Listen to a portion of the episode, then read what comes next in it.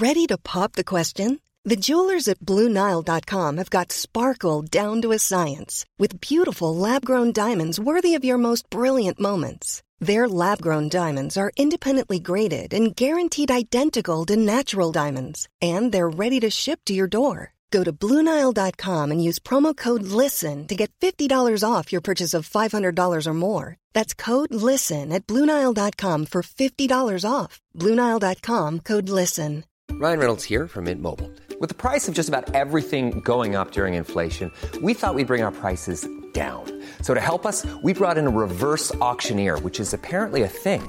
Mint Mobile unlimited premium wireless. Ready to get 30, 30, bit to get 30, bit to get 20, 20, 20, bit to get 20, 20, bit to get 15, 15, 15, 15 just 15 bucks a month. So, Give it a try at mintmobile.com slash switch. $45 upfront for three months plus taxes and fees. Promo rate for new customers for limited time. Unlimited more than 40 gigabytes per month. Slows. Full terms at mintmobile.com. Even when we're on a budget, we still deserve nice things. Quince is a place to scoop up stunning high-end goods for 50 to 80% less than similar brands. They have buttery soft cashmere sweaters starting at $50, luxurious Italian leather bags, and so much more. Plus, Quince only works with factories that use safe, ethical, and responsible manufacturing. Get the high-end goods you'll love without the high price tag with Quince. Go to quince.com slash style for free shipping and 365-day returns. Så lyfter du din digitala kommunikation. Ja, hur, hur mycket digitala möten har det blivit det senaste året, Boel? Ja, ungefär en miljon tror jag. Eller Mm. är det två? Hur är det för dig? Nej, men det, det är ju samma. I stort sett, ja. Ja, jag vet inte hur många procent, men många, avsevärt. Mm. Ja, men det finns ju massor med fördelar med det här. För många av oss har det ju varit ett sätt att kunna fortsätta med våra jobb och ändå hålla fysisk distansering. Vi har sluppit resa lika mycket. Och så är det ju mycket lättare att ha ett möte med någon som befinner sig långt bort. Men jag måste säga att jag får liksom ont i ögonen och hela huvudet av att stirra på en skärm för länge. Ja, och sen det här ganska egentligen onaturliga att man ser sig själv hela tiden. Det, det, alltså har man en dålig hårdag så kan det ta fokus från ämnet ibland. Och det är ju omöjligt att på riktigt möta din blick, faktiskt. Ja, det är ju så konstig grej. Det är ju så liksom, det känns som en så dålig dröm. Hur jag än letar efter din blick, så när jag tittar i den, då kommer du inte titta in i min. Ja, idag ska vi i alla fall ge dig som lyssnar tips på hur du gör dina digitala möten bättre. En hel del av de tipsen gäller just det digitala mötet som har sina alldeles egna utmaningar. Men du får också en rejäl portion helt vanliga retoriktips på köpet. Sånt som alltså gör det bättre även i ett fysiskt möte.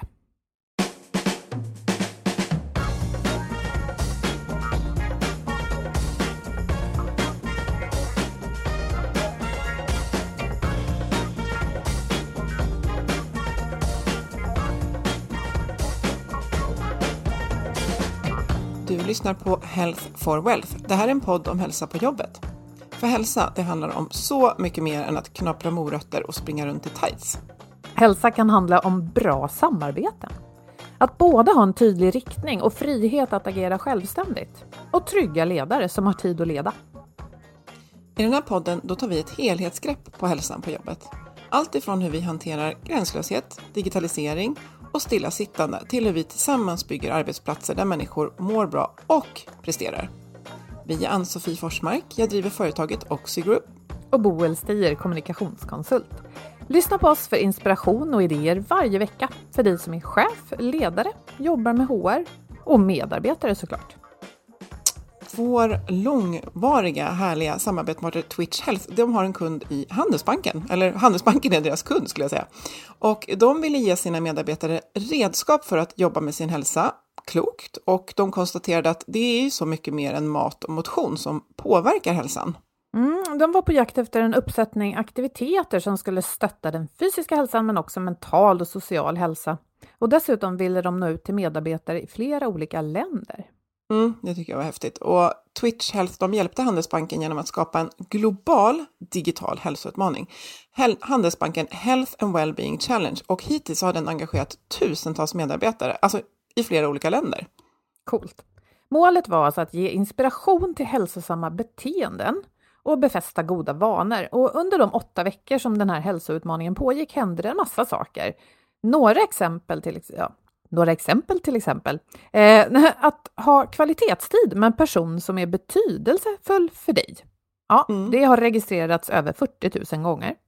Ja, en sån här sak som att eh, erbjuda stöd eller hjälp till en kollega. Det är absolut inte att knapra morötter, men har enormt stor effekt på hälsa. Och det har gjorts över 23 000 gånger. Och så fysisk aktivitet då? Den gamla klassikern 6 miljoner gånger. I snitt 170 minuter per person och vecka. Ja, och den här då, vistats i naturen 37 000 ja. gånger. Ja, den gillar jag. Så att, ja, jag gillar verkligen bredden på det här och att det verkligen är eh, holistisk hälsa på riktigt. Ja, och sen att och, man har lyckats använda digitala redskap för att få oss att liksom själva kunna välja bland en bredd av aktiviteter och att vi liksom, de har lyckats titta bortom det här med, ja men som vi säger, morötter och tights. Ja, och vi tänker att det här kan inspirera er så att vi lägger en länk till det här inlägget eh, från det här avsnittet på vår sida och ni kan läsa mer alltså på twitchhealth.se. Ja, men nu till dagens ämne. Vi stannar väl kvar lite i, i det digitala, ganska ordentligt faktiskt. Hur vi lyfter våra digitala möten. Vad tycker du är allra viktigast där, Boel? Mm. Jo, det tycker jag är att den som håller i ett möte eller i en presentation tar ansvar för att hålla en hög lägstanivå på engagemanget. Det finns ju förstås alltid faktorer som man inte kan påverka, till exempel hur deltagarna eller lyssnarna känner för ämnet eller om de deltar i mötet frivilligt eller inte. Men vi kan påverka många saker.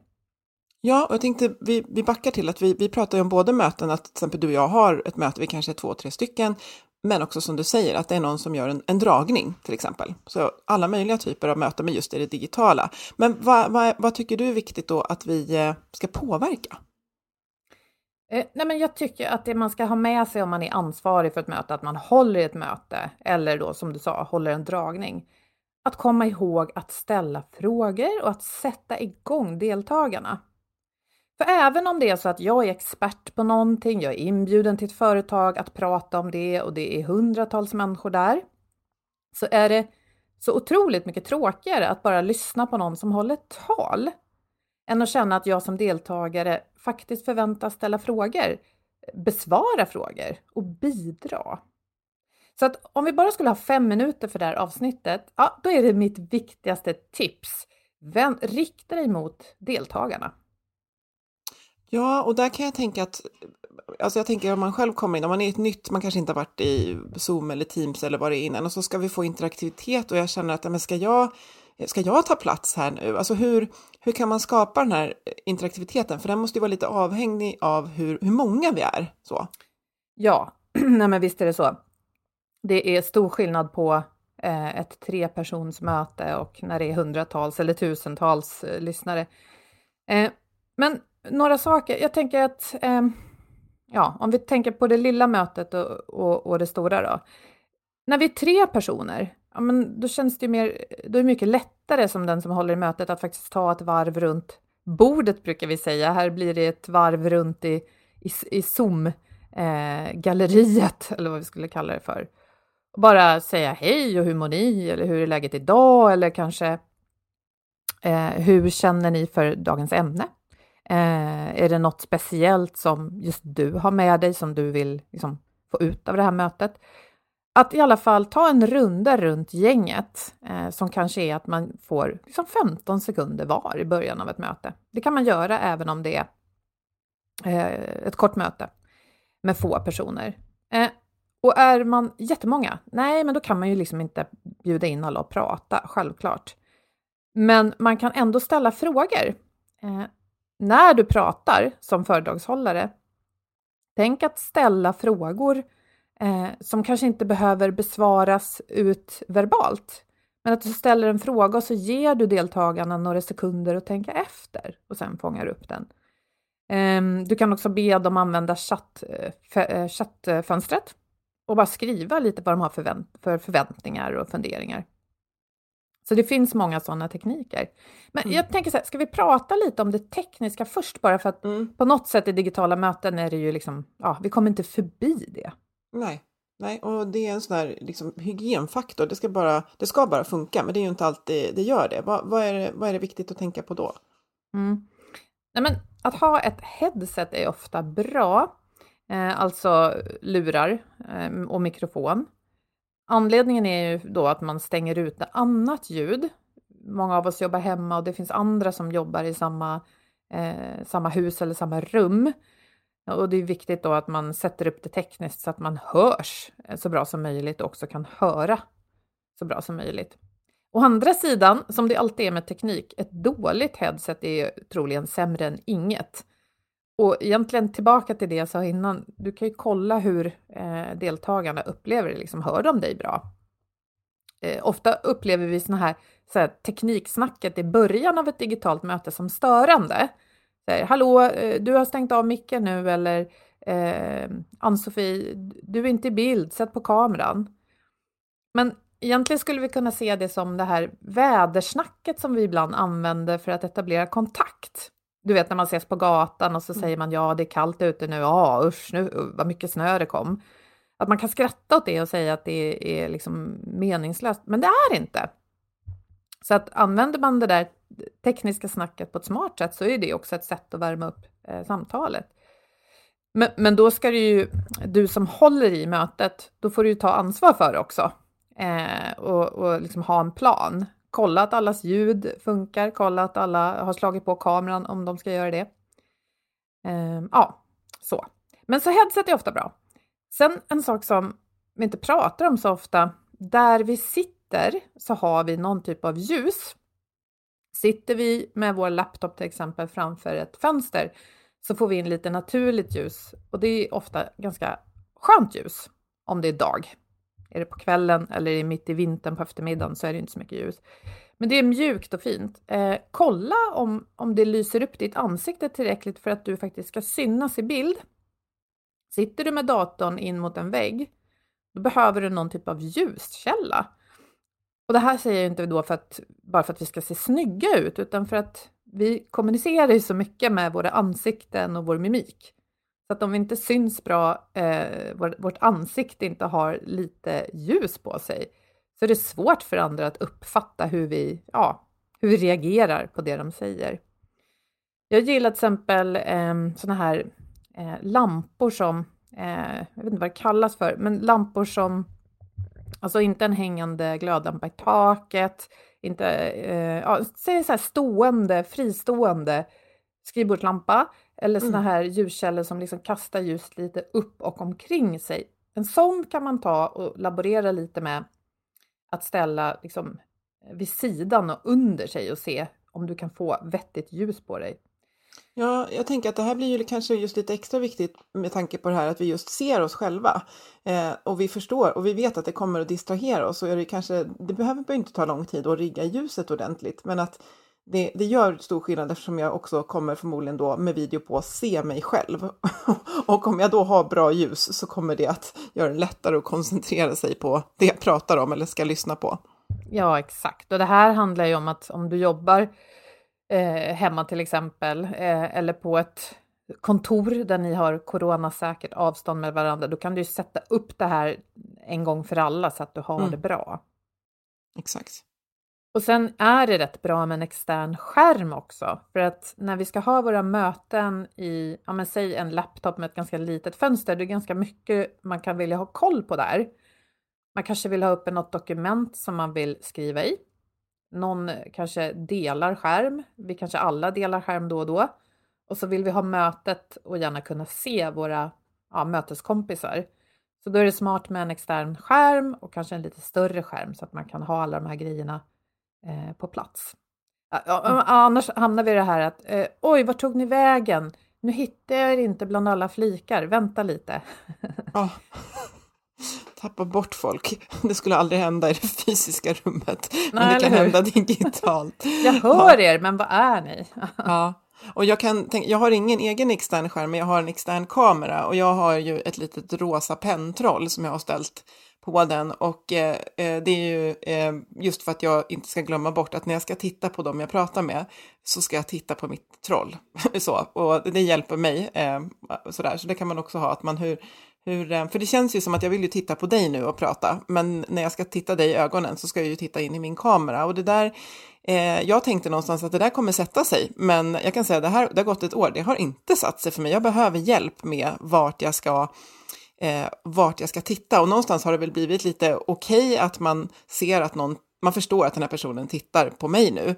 Eh, men ibland vill man verkligen trycka till med ett budskap och då gäller det att komma ihåg och flytta blicken till den här kameran. Så då kan man ha ett pentroll eller vad man väljer att och, eh, ja, påminna sig själv med. Mm. Jag kan tänka mig att tekniken kommer att hjälpa oss med det där på sikt. För precis som du säger, vi, speciellt om man ska presentera och att man är huvudansvarig för att kanske övertyga någon eller några om en idé då, är det, då, då skulle jag verkligen rekommendera att man tränar på att hålla sitt tal så mycket in i webbkameran som möjligt. Jag brukar tänka, det jag har på toppen av min laptop, det är då en liten pytteliten svart cirkel och sen en liten, sån här, eh, en liten ljuspunkt som visar att strömmen är på. Och jag brukar låtsas att det sitter ett gäng inne i den här svarta cirkeln. Ungefär som när man har en bild med en sån här vignett alltså med en, en rund eh, ram. Och då tänker jag mig att det sitter några stycken där inne i den här runda som liksom tittar fram väldigt nyfiket, för det ger mig energi. och så låtsas att, eh, att de, de sitter där inne och de är jätte jätteengagerade. Och det mm. hjälper mig att hålla blicken inne i den där cirkeln, vilket egentligen är hur onaturligt som helst. Mm. Så Man det, hitta det, sina tricks. Ja, nej men verkligen. Och som jag sa tidigare, då, jag tror att tekniken kommer hjälpa oss här på sikt, att vi kanske får lösningar för att programvaror som på något sätt känner av våra ögonrörelser eller hjälper oss att vi kan möta varandras blickar. Men vi är inte där ännu. Mm. Men sen en sak som är värd att tänka på när vi jobbar hemma, eh, som det ofta är eh, för många nu i alla fall, eller säg kanske hälften av alla kontorsarbetare, eh, så har vi många möten och av fysiska skäl för vårt välmående så är det ju bra att ställa sig upp ibland. Men vi ska inte bara tänka att det där ståendet ska vara mellan mötena. Eh, stå gärna på ett möte och när du själv ska prata mycket så är det superduper att sätta upp datorn och allt så att du kanske står upp hela mötet. För det ger en annan tillgång till ja, men så här, lungorna och, och, och rösten. Det ger en helt annan energi när vi står upp. Eh, det gör också att man får tillgång till mer av ja, men gester och mimik. Vi är inte lika fastlåsta i kroppen som när vi sitter ner och gärna sjunker ihop lite så här som en hösäck. Så det tycker jag är eh, också ett av grundtipsen. Mm, eh, ska jag kan du... bara hålla med. Mm. Ja, men eller hur? För ska du ge mm. energi så är det lätt lättare när det står upp, eller hur? Mm, absolut, och jag, jag, tänker just att om man tänker på att vi, vi, man pratar om att vi blir mer stillasittande, så att, att, att, by, att, som regel bygga ett möten där jag liksom vet att jag behöver, att jag själv ska prata mycket och kanske, det kanske just alla eftermiddagsmöten, att försöka rigga så att jag faktiskt står upp och eh, Eh, Ehm, jag tänker också på att jag märker själv att min röst blir bättre. Alltså min, ja, min röst håller bättre om man är så som pratar. Jag tänker vi som föreläser att eh, då är det också bättre att stå upp. Så att jag skulle säga så här, försök hitta någon typ av regel för vilka möten som, ja men här ska jag stå upp. För som du säger, vi, eh, det är inte att mötet är ointressant, men är det sent på eftermiddagen så är det ju lättare att verkligen sjunka ihop om vi sitter ner. Så att eh, man behöver ha lite olika Eh, ja, hur man riggar hemma eh, eller, eller på kontoret för att både stå och eh, ibland kunna sitta. Mm. Och hemma då, trots att det är ett år sedan jag började jobba full tid hemifrån så har jag inte skaffat något höj och sänkbart skrivbord. Det saknar jag, men när jag vill stå då får jag ta alla mina tjocka konstböcker och pallra upp dem i en hög och så lyfter jag upp min laptop på den så att jag får den liksom i i ansiktshöjd. Ja, så att mm. man ser mitt ansikte och ja, ska säga till bröstet någonstans här som ett, en ganska tajt porträttbild, någonting sånt. Mm. Ja, man får liksom hitta sitt sätt. Jag har ju den klassiska strykbrädan, en låda och sen har jag inte så mycket konstböcker, men min mans historieböcker och lite idrottsnutrition brukar bli det som ligger på trave här och också eh, det här att verkligen lägga tid på att få kameran i, i rätt höjd, eller hur? Att eh, liksom, jag ja. vill inte se upp i dina näsborrar. Det är ju faktiskt inte så knepigt att fixa med det. Nej, precis. Och det är ju den här klassiska laptop-positionen att någon är, deltar på ett möte och tittar liksom ner på deltagarna. Och ja, men det blir inte så här supercharmigt. Dels om man är orolig för sina dubbelhaker så kan ju det vara en motiverande faktor kanske, men just det här att du tittar ner på andra, det känns inte så trevligt. Vi vill inte möta så. Vi vill ju, det är trevligare att möta någon eh, på samma nivå. Liksom. Ja, verkligen.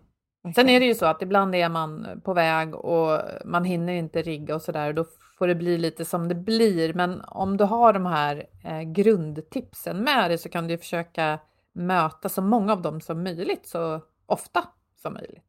Ja, ja men det, det är ju, man får ju investera i de här setupsen en gång, tänker jag. Att man, man, man riggar ju dem en gång och sen måste man göra om dem flera gånger, men man har tänkt igenom dem. Och jag kan bli lite så här, och nu, nu ska jag inte kasta sten i glashus, för jag sitter säkert själv ibland med fel vinkel, men jag kan bli lite, jag känner igen jättemycket det här klassiska eh, skrapet när du har hörlurar med mikrofon som hänger. Att jag hör det i, jag lyssnar på väldigt mycket poddar, jag hör det i poddar, jag hör det i intervjuer och jag tänker att Alltså hörni, det har gått ett år nu. Vi, vi måste liksom så här, det, det, det, är inte, det är inte jätteknepigt att liksom tänka till kring de här grejerna och även liksom, liksom offentliga personer där det är just de här sakerna som du beskriver. Eh, och det påverkar ju intrycket av budskapet som förmedlas, tycker jag. Mm, visst gör det det. Och någonstans ska man välja mellan ljud och bild så är ljud viktigast. Mm. Annars är det svårt att ha det här mötet bara med en bild. Och eh, som du säger, en hängande eh, en hängande lur, sådär, alltså med en mick som hänger på en tråd som man hela tiden kommer åt eller liksom, när man gestikulerar så råkar man trycka till den. Det, det kanske inte är det bästa i längden, helt klart. Nej, det är ett väldigt karaktäristiskt ljud jag känner igen. Säger det. det har nog mm. hänt här i podden någon gång också. Det, ja, absolut, precis. Det var det jag menar med att inte kasta sig. Men nu sitter vi här med varsin, ja, jag vet inte om man ska säga vilket märke det är, men vi har en väldigt rund och fin mikrofon som funkar väldigt bra. Mm. Mm. Ja, jo men precis. Vi har ju investerat lite i just vår podd-setup nu när vi ja. bara online-poddar hela tiden. Exakt. Men jag tänker också på det här möten eller presentationer. Något mm. som man alltid ska komma ihåg tidigt i ett möte, det är lite struktur och förväntningar. Mm. Ett mötes framgång avgörs på många sätt av hur tydligt det är varför man har kallat till det mm. eh, och vad syftet med allas närvaro egentligen är. Och eh, för den som kallar till mötet är det ofta så självklart, men då får man backa lite och tänka på att det kanske inte är lika självklart för alla andra. Så repetera alltid det här i början av mötet. Varför är alla där? Vad ska ni prata om? Hur kommer det gå till? Och här kan du ju passa på och säga sådana saker som att jag förväntar mig att ni deltar, jag kommer ställa frågor, jag kommer ge lite uppgifter under mötets gång. Och också, hur länge håller vi på? För är det långa ja. möten så behöver vi planera in pauser, annars stänger ju folk av kamerorna och, och drar lite då och då ändå.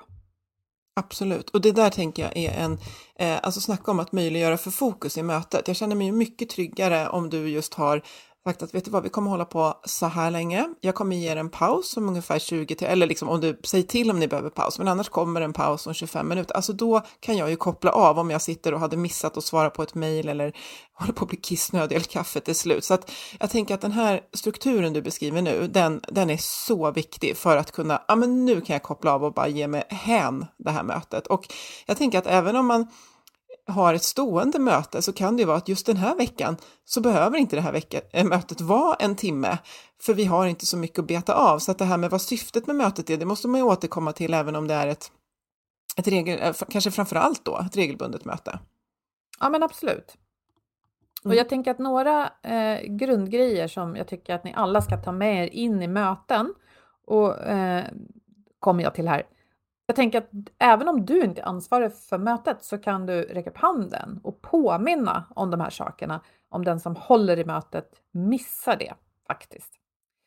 Det första är då på med kamerorna. På med kamerorna.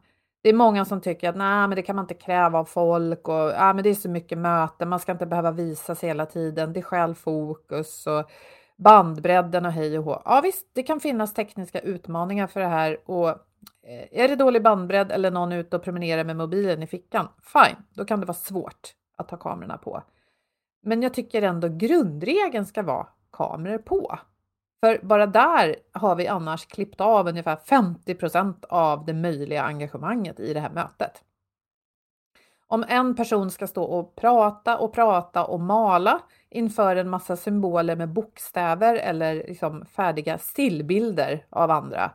Alltså, till att börja med, hur lätt är det för den som pratar då att ge energi? Och för det andra, hur, hur lätt är det för de som deltar att plötsligt kasta sig in i samtalet? Så att jag tycker att eh, kamera på ska vara grundregeln och det får man gärna påminna om i början mm. av varje möte. Jag tycker den är knepig. Alltså jag tycker att den är... Eh, alltså jag, jag, jag, kan känna att där finns det verkligen en skala. Jag kan bara reflektera själv. Att Eh, jag har vant mig vid att föreläsa i den här svarta pricken där du har stoppat in massa människor som du beskrev. Det har jag vant mig vid. Eh, senast igår så var det över 100 pers och jag får verkligen skapa en mental bild av dem och det är helt okej. Okay. Och jag skulle nog komma av mig om någon då slog på kameran. vad, vad händer nu? Men som du säger, om det är ett, ett möte där vi faktiskt, ja, men om, om några minuter så kanske du ska prata, då, blir, då ska du både på med ljud och mikrofon, eller förlåt, eh, ja, bild och mikrofon. Eh, och sen kan jag tänka ibland att om jag känner att ja, men det här mötet funkar jättebra för mig för jag ska bara lyssna eh, och jag kanske faktiskt, för mig kan det funka bra att göra någonting annat samtidigt och bara lyssna på mötet. Då vill jag inte vara med på det mötet. Eh, nu pratar jag inte om ett möte som liksom ett jobbmöte utan kanske någon, jag vet inte vad det skulle kunna vara.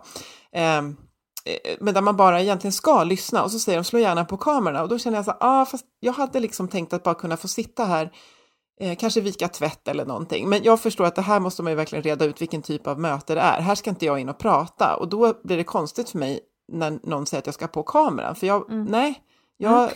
vill inte. Ja, men jag håller med dig. Det är knepigt och det passar inte alltid. Eh, men just för att det är så lätt att stänga av kamerorna och det är så ja. lätt att hitta ursäkter eh, för att stänga av dem så tänker jag att om vi alltid utgår ifrån att vi ska faktiskt vara närvarande på våra möten allihopa. Om vi utgår ifrån det och sen absolut, är det tre timmar möte där man måste delta och man faktiskt behöver, inte vet jag, förbereda den här lunchen medan man lyssnar. Fine. Jag har en dotter som är 16 som har digital undervisning hemifrån sedan många månader nu och jag menar, jag vet att hon ibland går upp just så här preppar lunchen och sånt här medan hon lyssnar. Och det är klart att det funkar. Men hon visar också mig ibland när jag kommer in eh, i köket och vi ska ha lunch tillsammans så kan hon stänga av micken och så pekar hon på skärmen och säger kolla mamma, jag tycker synd om den här läraren och så ser man mm. en persons ansikte med liksom så här glad uppsyn som lite så här hej guys, verkligen försöker göra det kul och trevligt för ingen har ju valt att ha den här situationen egentligen. Nej. Och så är det bara de här döda kamerorna. Eh, mm. hon ställer en fråga och så är det tyst. Och, mm. och hon vänder sig till mig, då, min dotter, och säger Åh, jag tycker så synd om de här lärarna. De lägger massor med planering för att de här lektionerna ska vara bra. Och så är folk bara så här. Mm. Jag menar, vi vill inte vara där, så Nej, utgå ifrån att vara med. Mm. Ja, jag håller helt med dig. Att du, det, liksom precis, det ska inte möjliggöra att, jag menade inte att man ska multitaska eh, på något sätt, utan jag vet bara själv hur min hjärna funkar, att, att eh, jag kan nästan lättare lyssna när jag får eh, pilla med någonting. Men det är så som, så, eh, som jag alltid har liksom varit, att jag är mer närvarande då. Eh, och är så van vid det, jag tänker från poddlyssnandet, att jag ofta lyssnar på podd och gör någonting annat samtidigt och känner att jag lyssnar fullt. Men när du beskriver det så där så tänker jag att eh, det kommer ju tillbaka till förväntningar och tydlighet. Att, att eh, jag behöver, eh, det är nog inte fel att säga, jag behöver er energi. Den får jag om ni har kamerorna på och jag känner att ni är med och jag eh, får liksom tummar upp eller, eller vad det är. Så jag, jag, tycker att det, det, det, du beskriver, det liksom berör. Då känner jag, men då skulle jag ju självklart slå på kameran och liksom vilja vara med och bidra till energin i det här mötet och att man, ja, man ja. får känna av helt enkelt. Och det du säger nu tycker jag också är angeläget, att du som deltar på ett möte, tänk att du, du har också ett ansvar för hur det mötet ja. blir. Och om någon ja. talar, du har också ett ansvar för att inte bara sitta där med avslagen kamera och vara kritisk och ställa massa så här, försöka sätta den här stackars föreläsaren på pottan i slut eh, de sista minuterna, utan vi har alla ett ansvar för att det ska bli engagerat och kul. Och eh, tillbaka till det här om att rikta sig till de som lyssnar och de som deltar. Mm. Du som håller i mötet, börja alltid med att uppmärksamma dem på något sätt. Om inte annat med ett leende. Det kan vara lätt att glömma i de här digitala mötena när vi sitter och harvar framför våra skärmar hela dagarna. Säg någonting om deras yrkesroll eller deras bransch. Ställ någon fråga som har med ämnet att göra så att vi som deltar och lyssnar känner oss tilltalade. Eh, och här är det också smart förstås. Vi som föreläser en del gör nog redan det, men att ta reda på så mycket man kan inför ett möte om de som ska lyssna. Mm. Eh, så kommunicera och ställ frågor tidigt. Och jag mm. tänker att det är typiskt om man är lite nervös för att man ska ha en dragning så fastnar man lätt i sig själv och man tänker väldigt mycket på hur, hur kommer det att gå? Kommer jag säga fel? Kommer de att gilla vad jag säger? Eh, bara helt kortfattat, en nyckel till framgång är faktiskt att kunna släppa taget lite om sig själv. Mm. Och där kan du hjälpa dig själv tidigt i den här presentationen eller mötet just genom att ställa lite frågor och bjuda in deltagarna det brukar ge en annan värme faktiskt. Att man får ja. ett kort samtal innan man sätter igång. Ja, det är win-win. Ja, man hinner du... hitta sin röst. Ja. ja, och kan inte du känna det också om du är lite spänd inför en föreläsning och så kommer man in och, och man växlar några ord med några? Att det, ja, att, um... definitivt.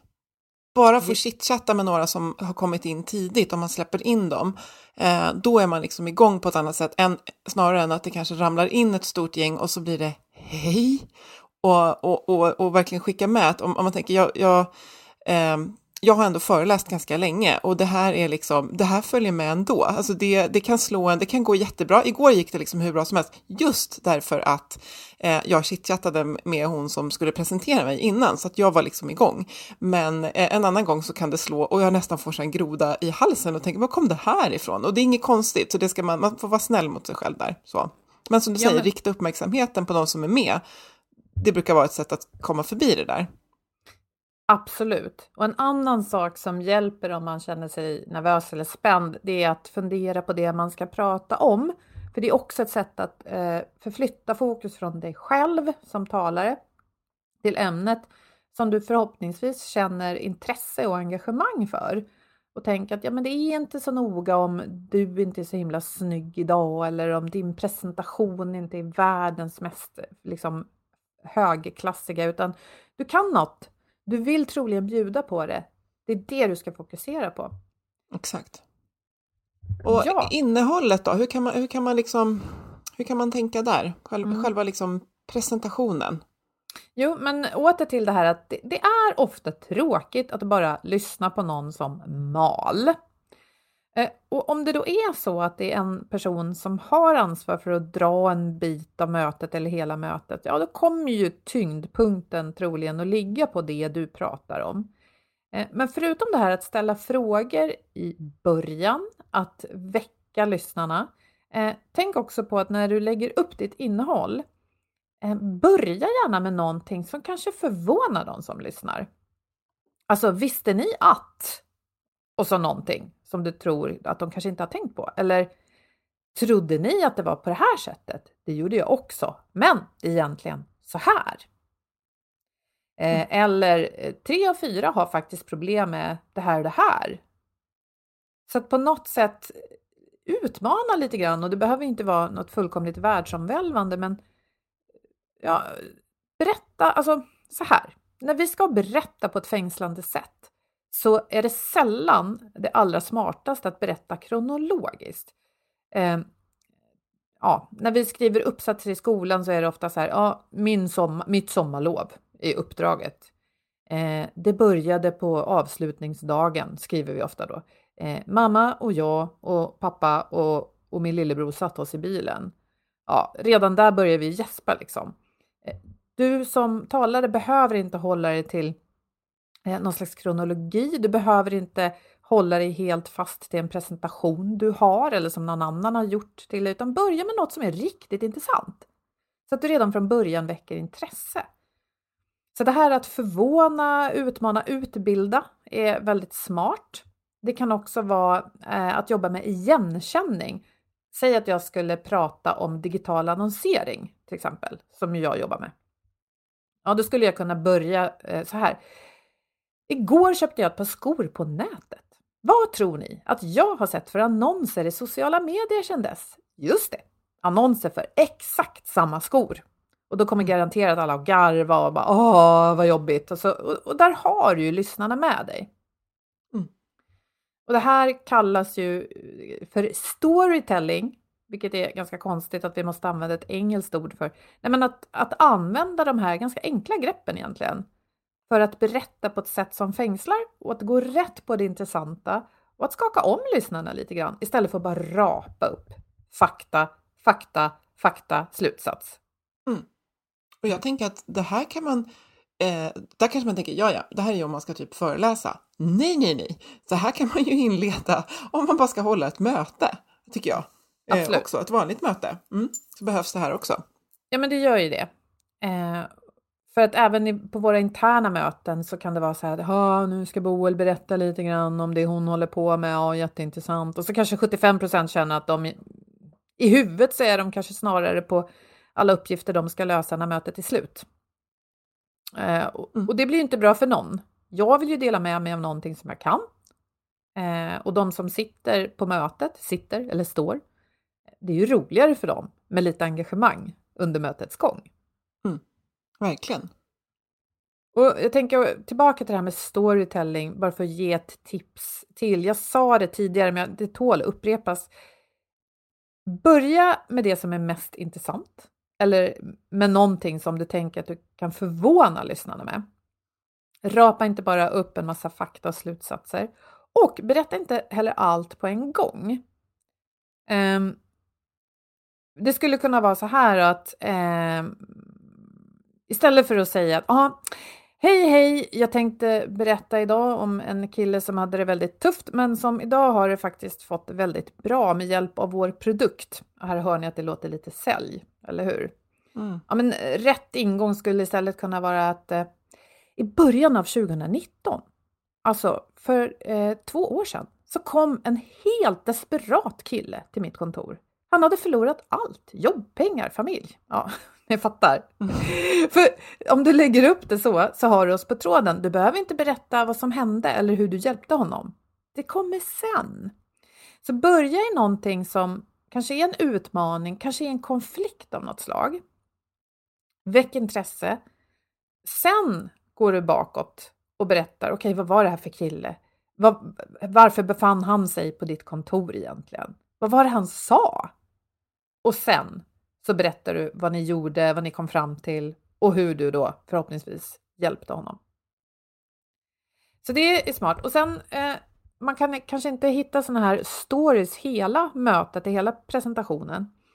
Men några andra bra grepp man kan ta med sig i verktygslådan, det är att då och då summera. Och det är lite tillbaka till det här, släpp taget om dig själv. Du kan troligen ditt ämne mycket bättre än de som lyssnar.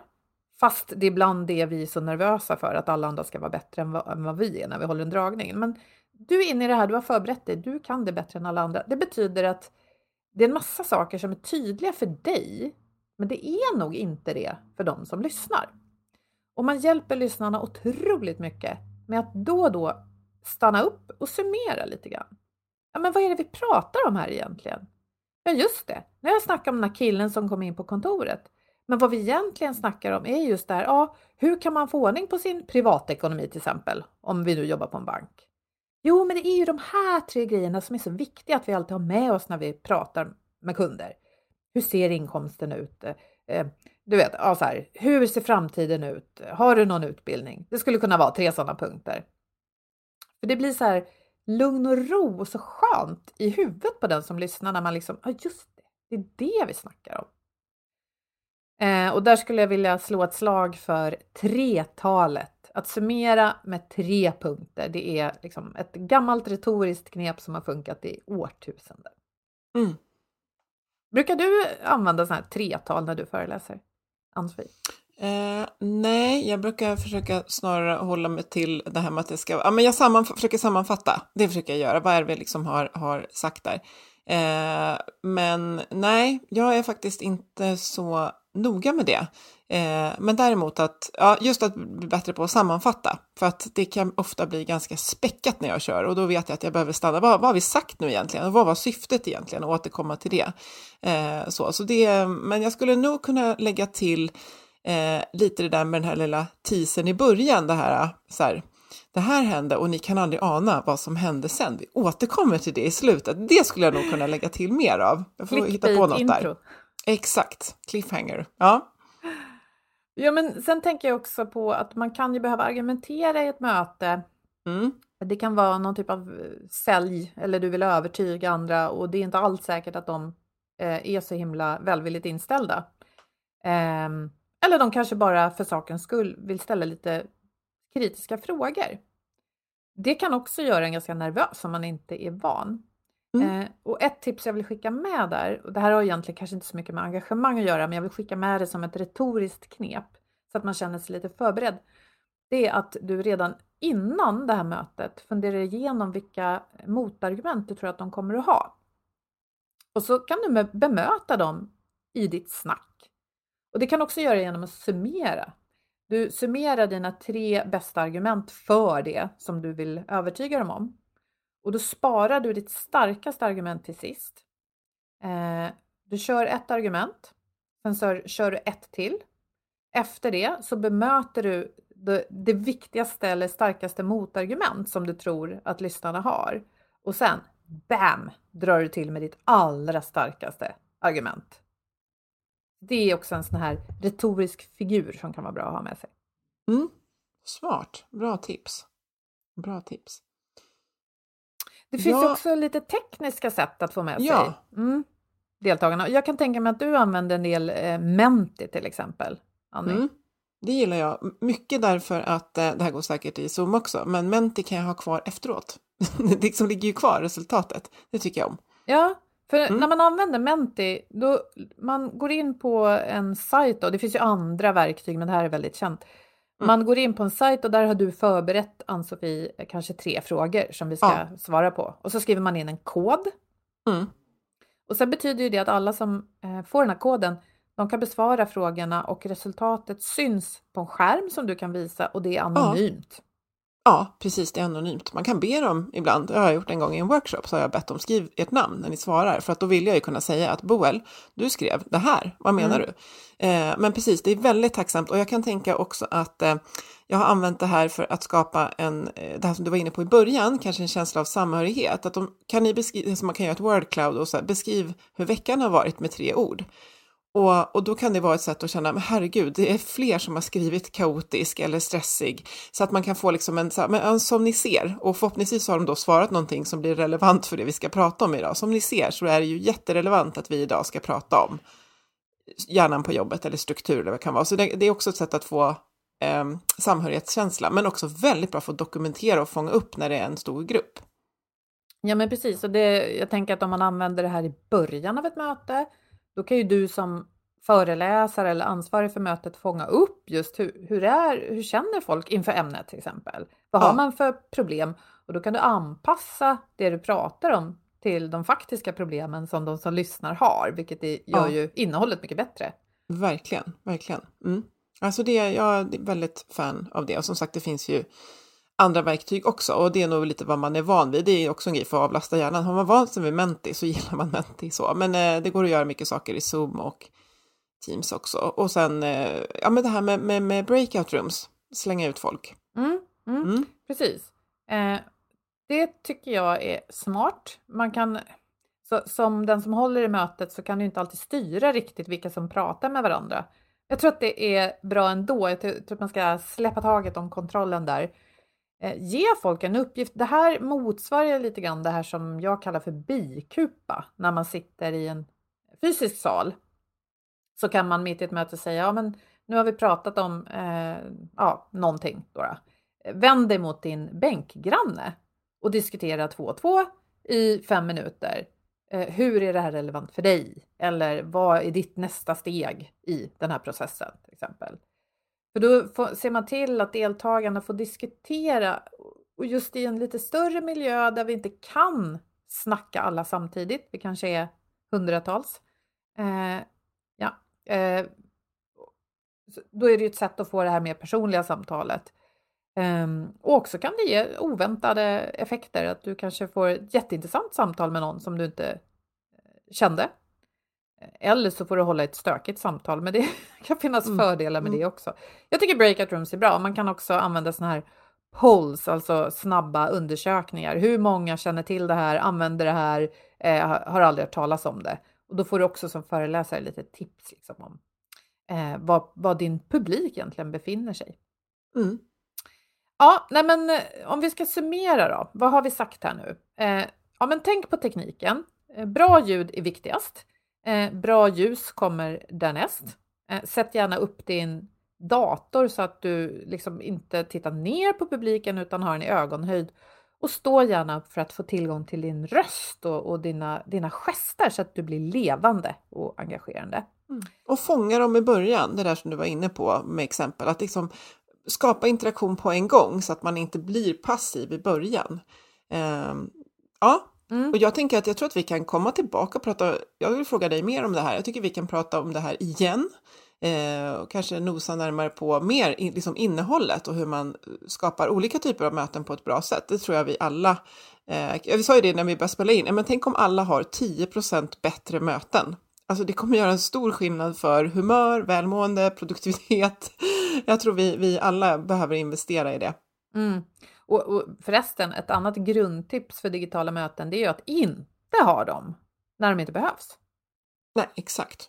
Att liksom inte slentrianmässigt säga, men nu har vi ett möte om det här. Vi kanske tar ett telefonsamtal istället. Ja, För precis. att liksom vila ögonen. Och då slipper vi fundera på om kamerorna ska vara på. Så att vi varvar lite. Ja.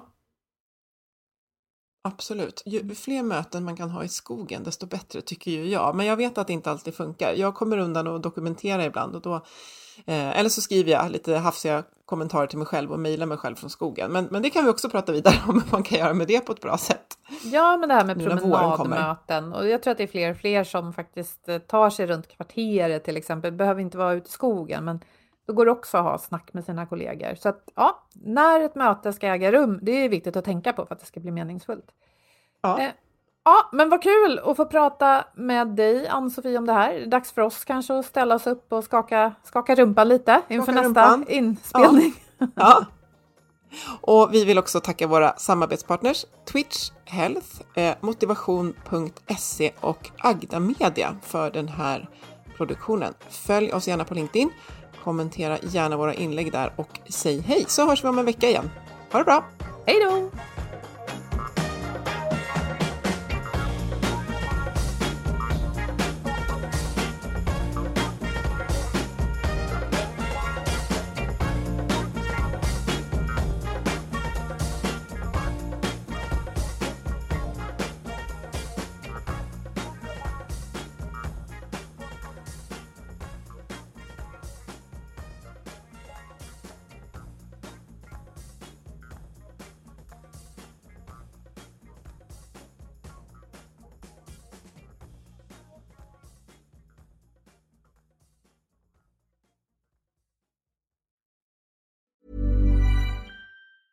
Mom deserves the best, and there's no better place to shop for Mother's Day than Whole Foods Market. They're your destination for unbeatable savings, from premium gifts to show-stopping flowers and irresistible desserts. Start by saving 33% with Prime on all body care and candles. Then get a 15-stem bunch of tulips for just $9.99 each with Prime. Round out Mom's menu with festive rosé, irresistible berry chantilly cake, and more special treats. Come celebrate Mother's Day at Whole Foods Market. A lot can happen in the next three years. Like a chatbot may be your new best friend.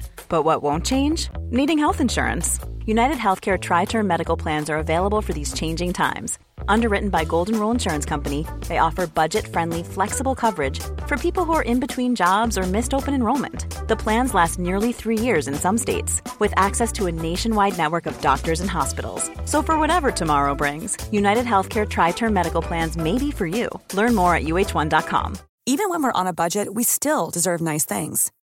Quince is a place to scoop up stunning high end goods for 50 to 80% less than similar brands.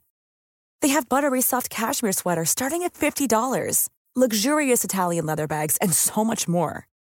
Plus, Quince only works with factories that use safe, ethical, and responsible manufacturing. Get the high-end goods you'll love without the high price tag with Quince. Go to quince.com slash style for free shipping and 365-day returns.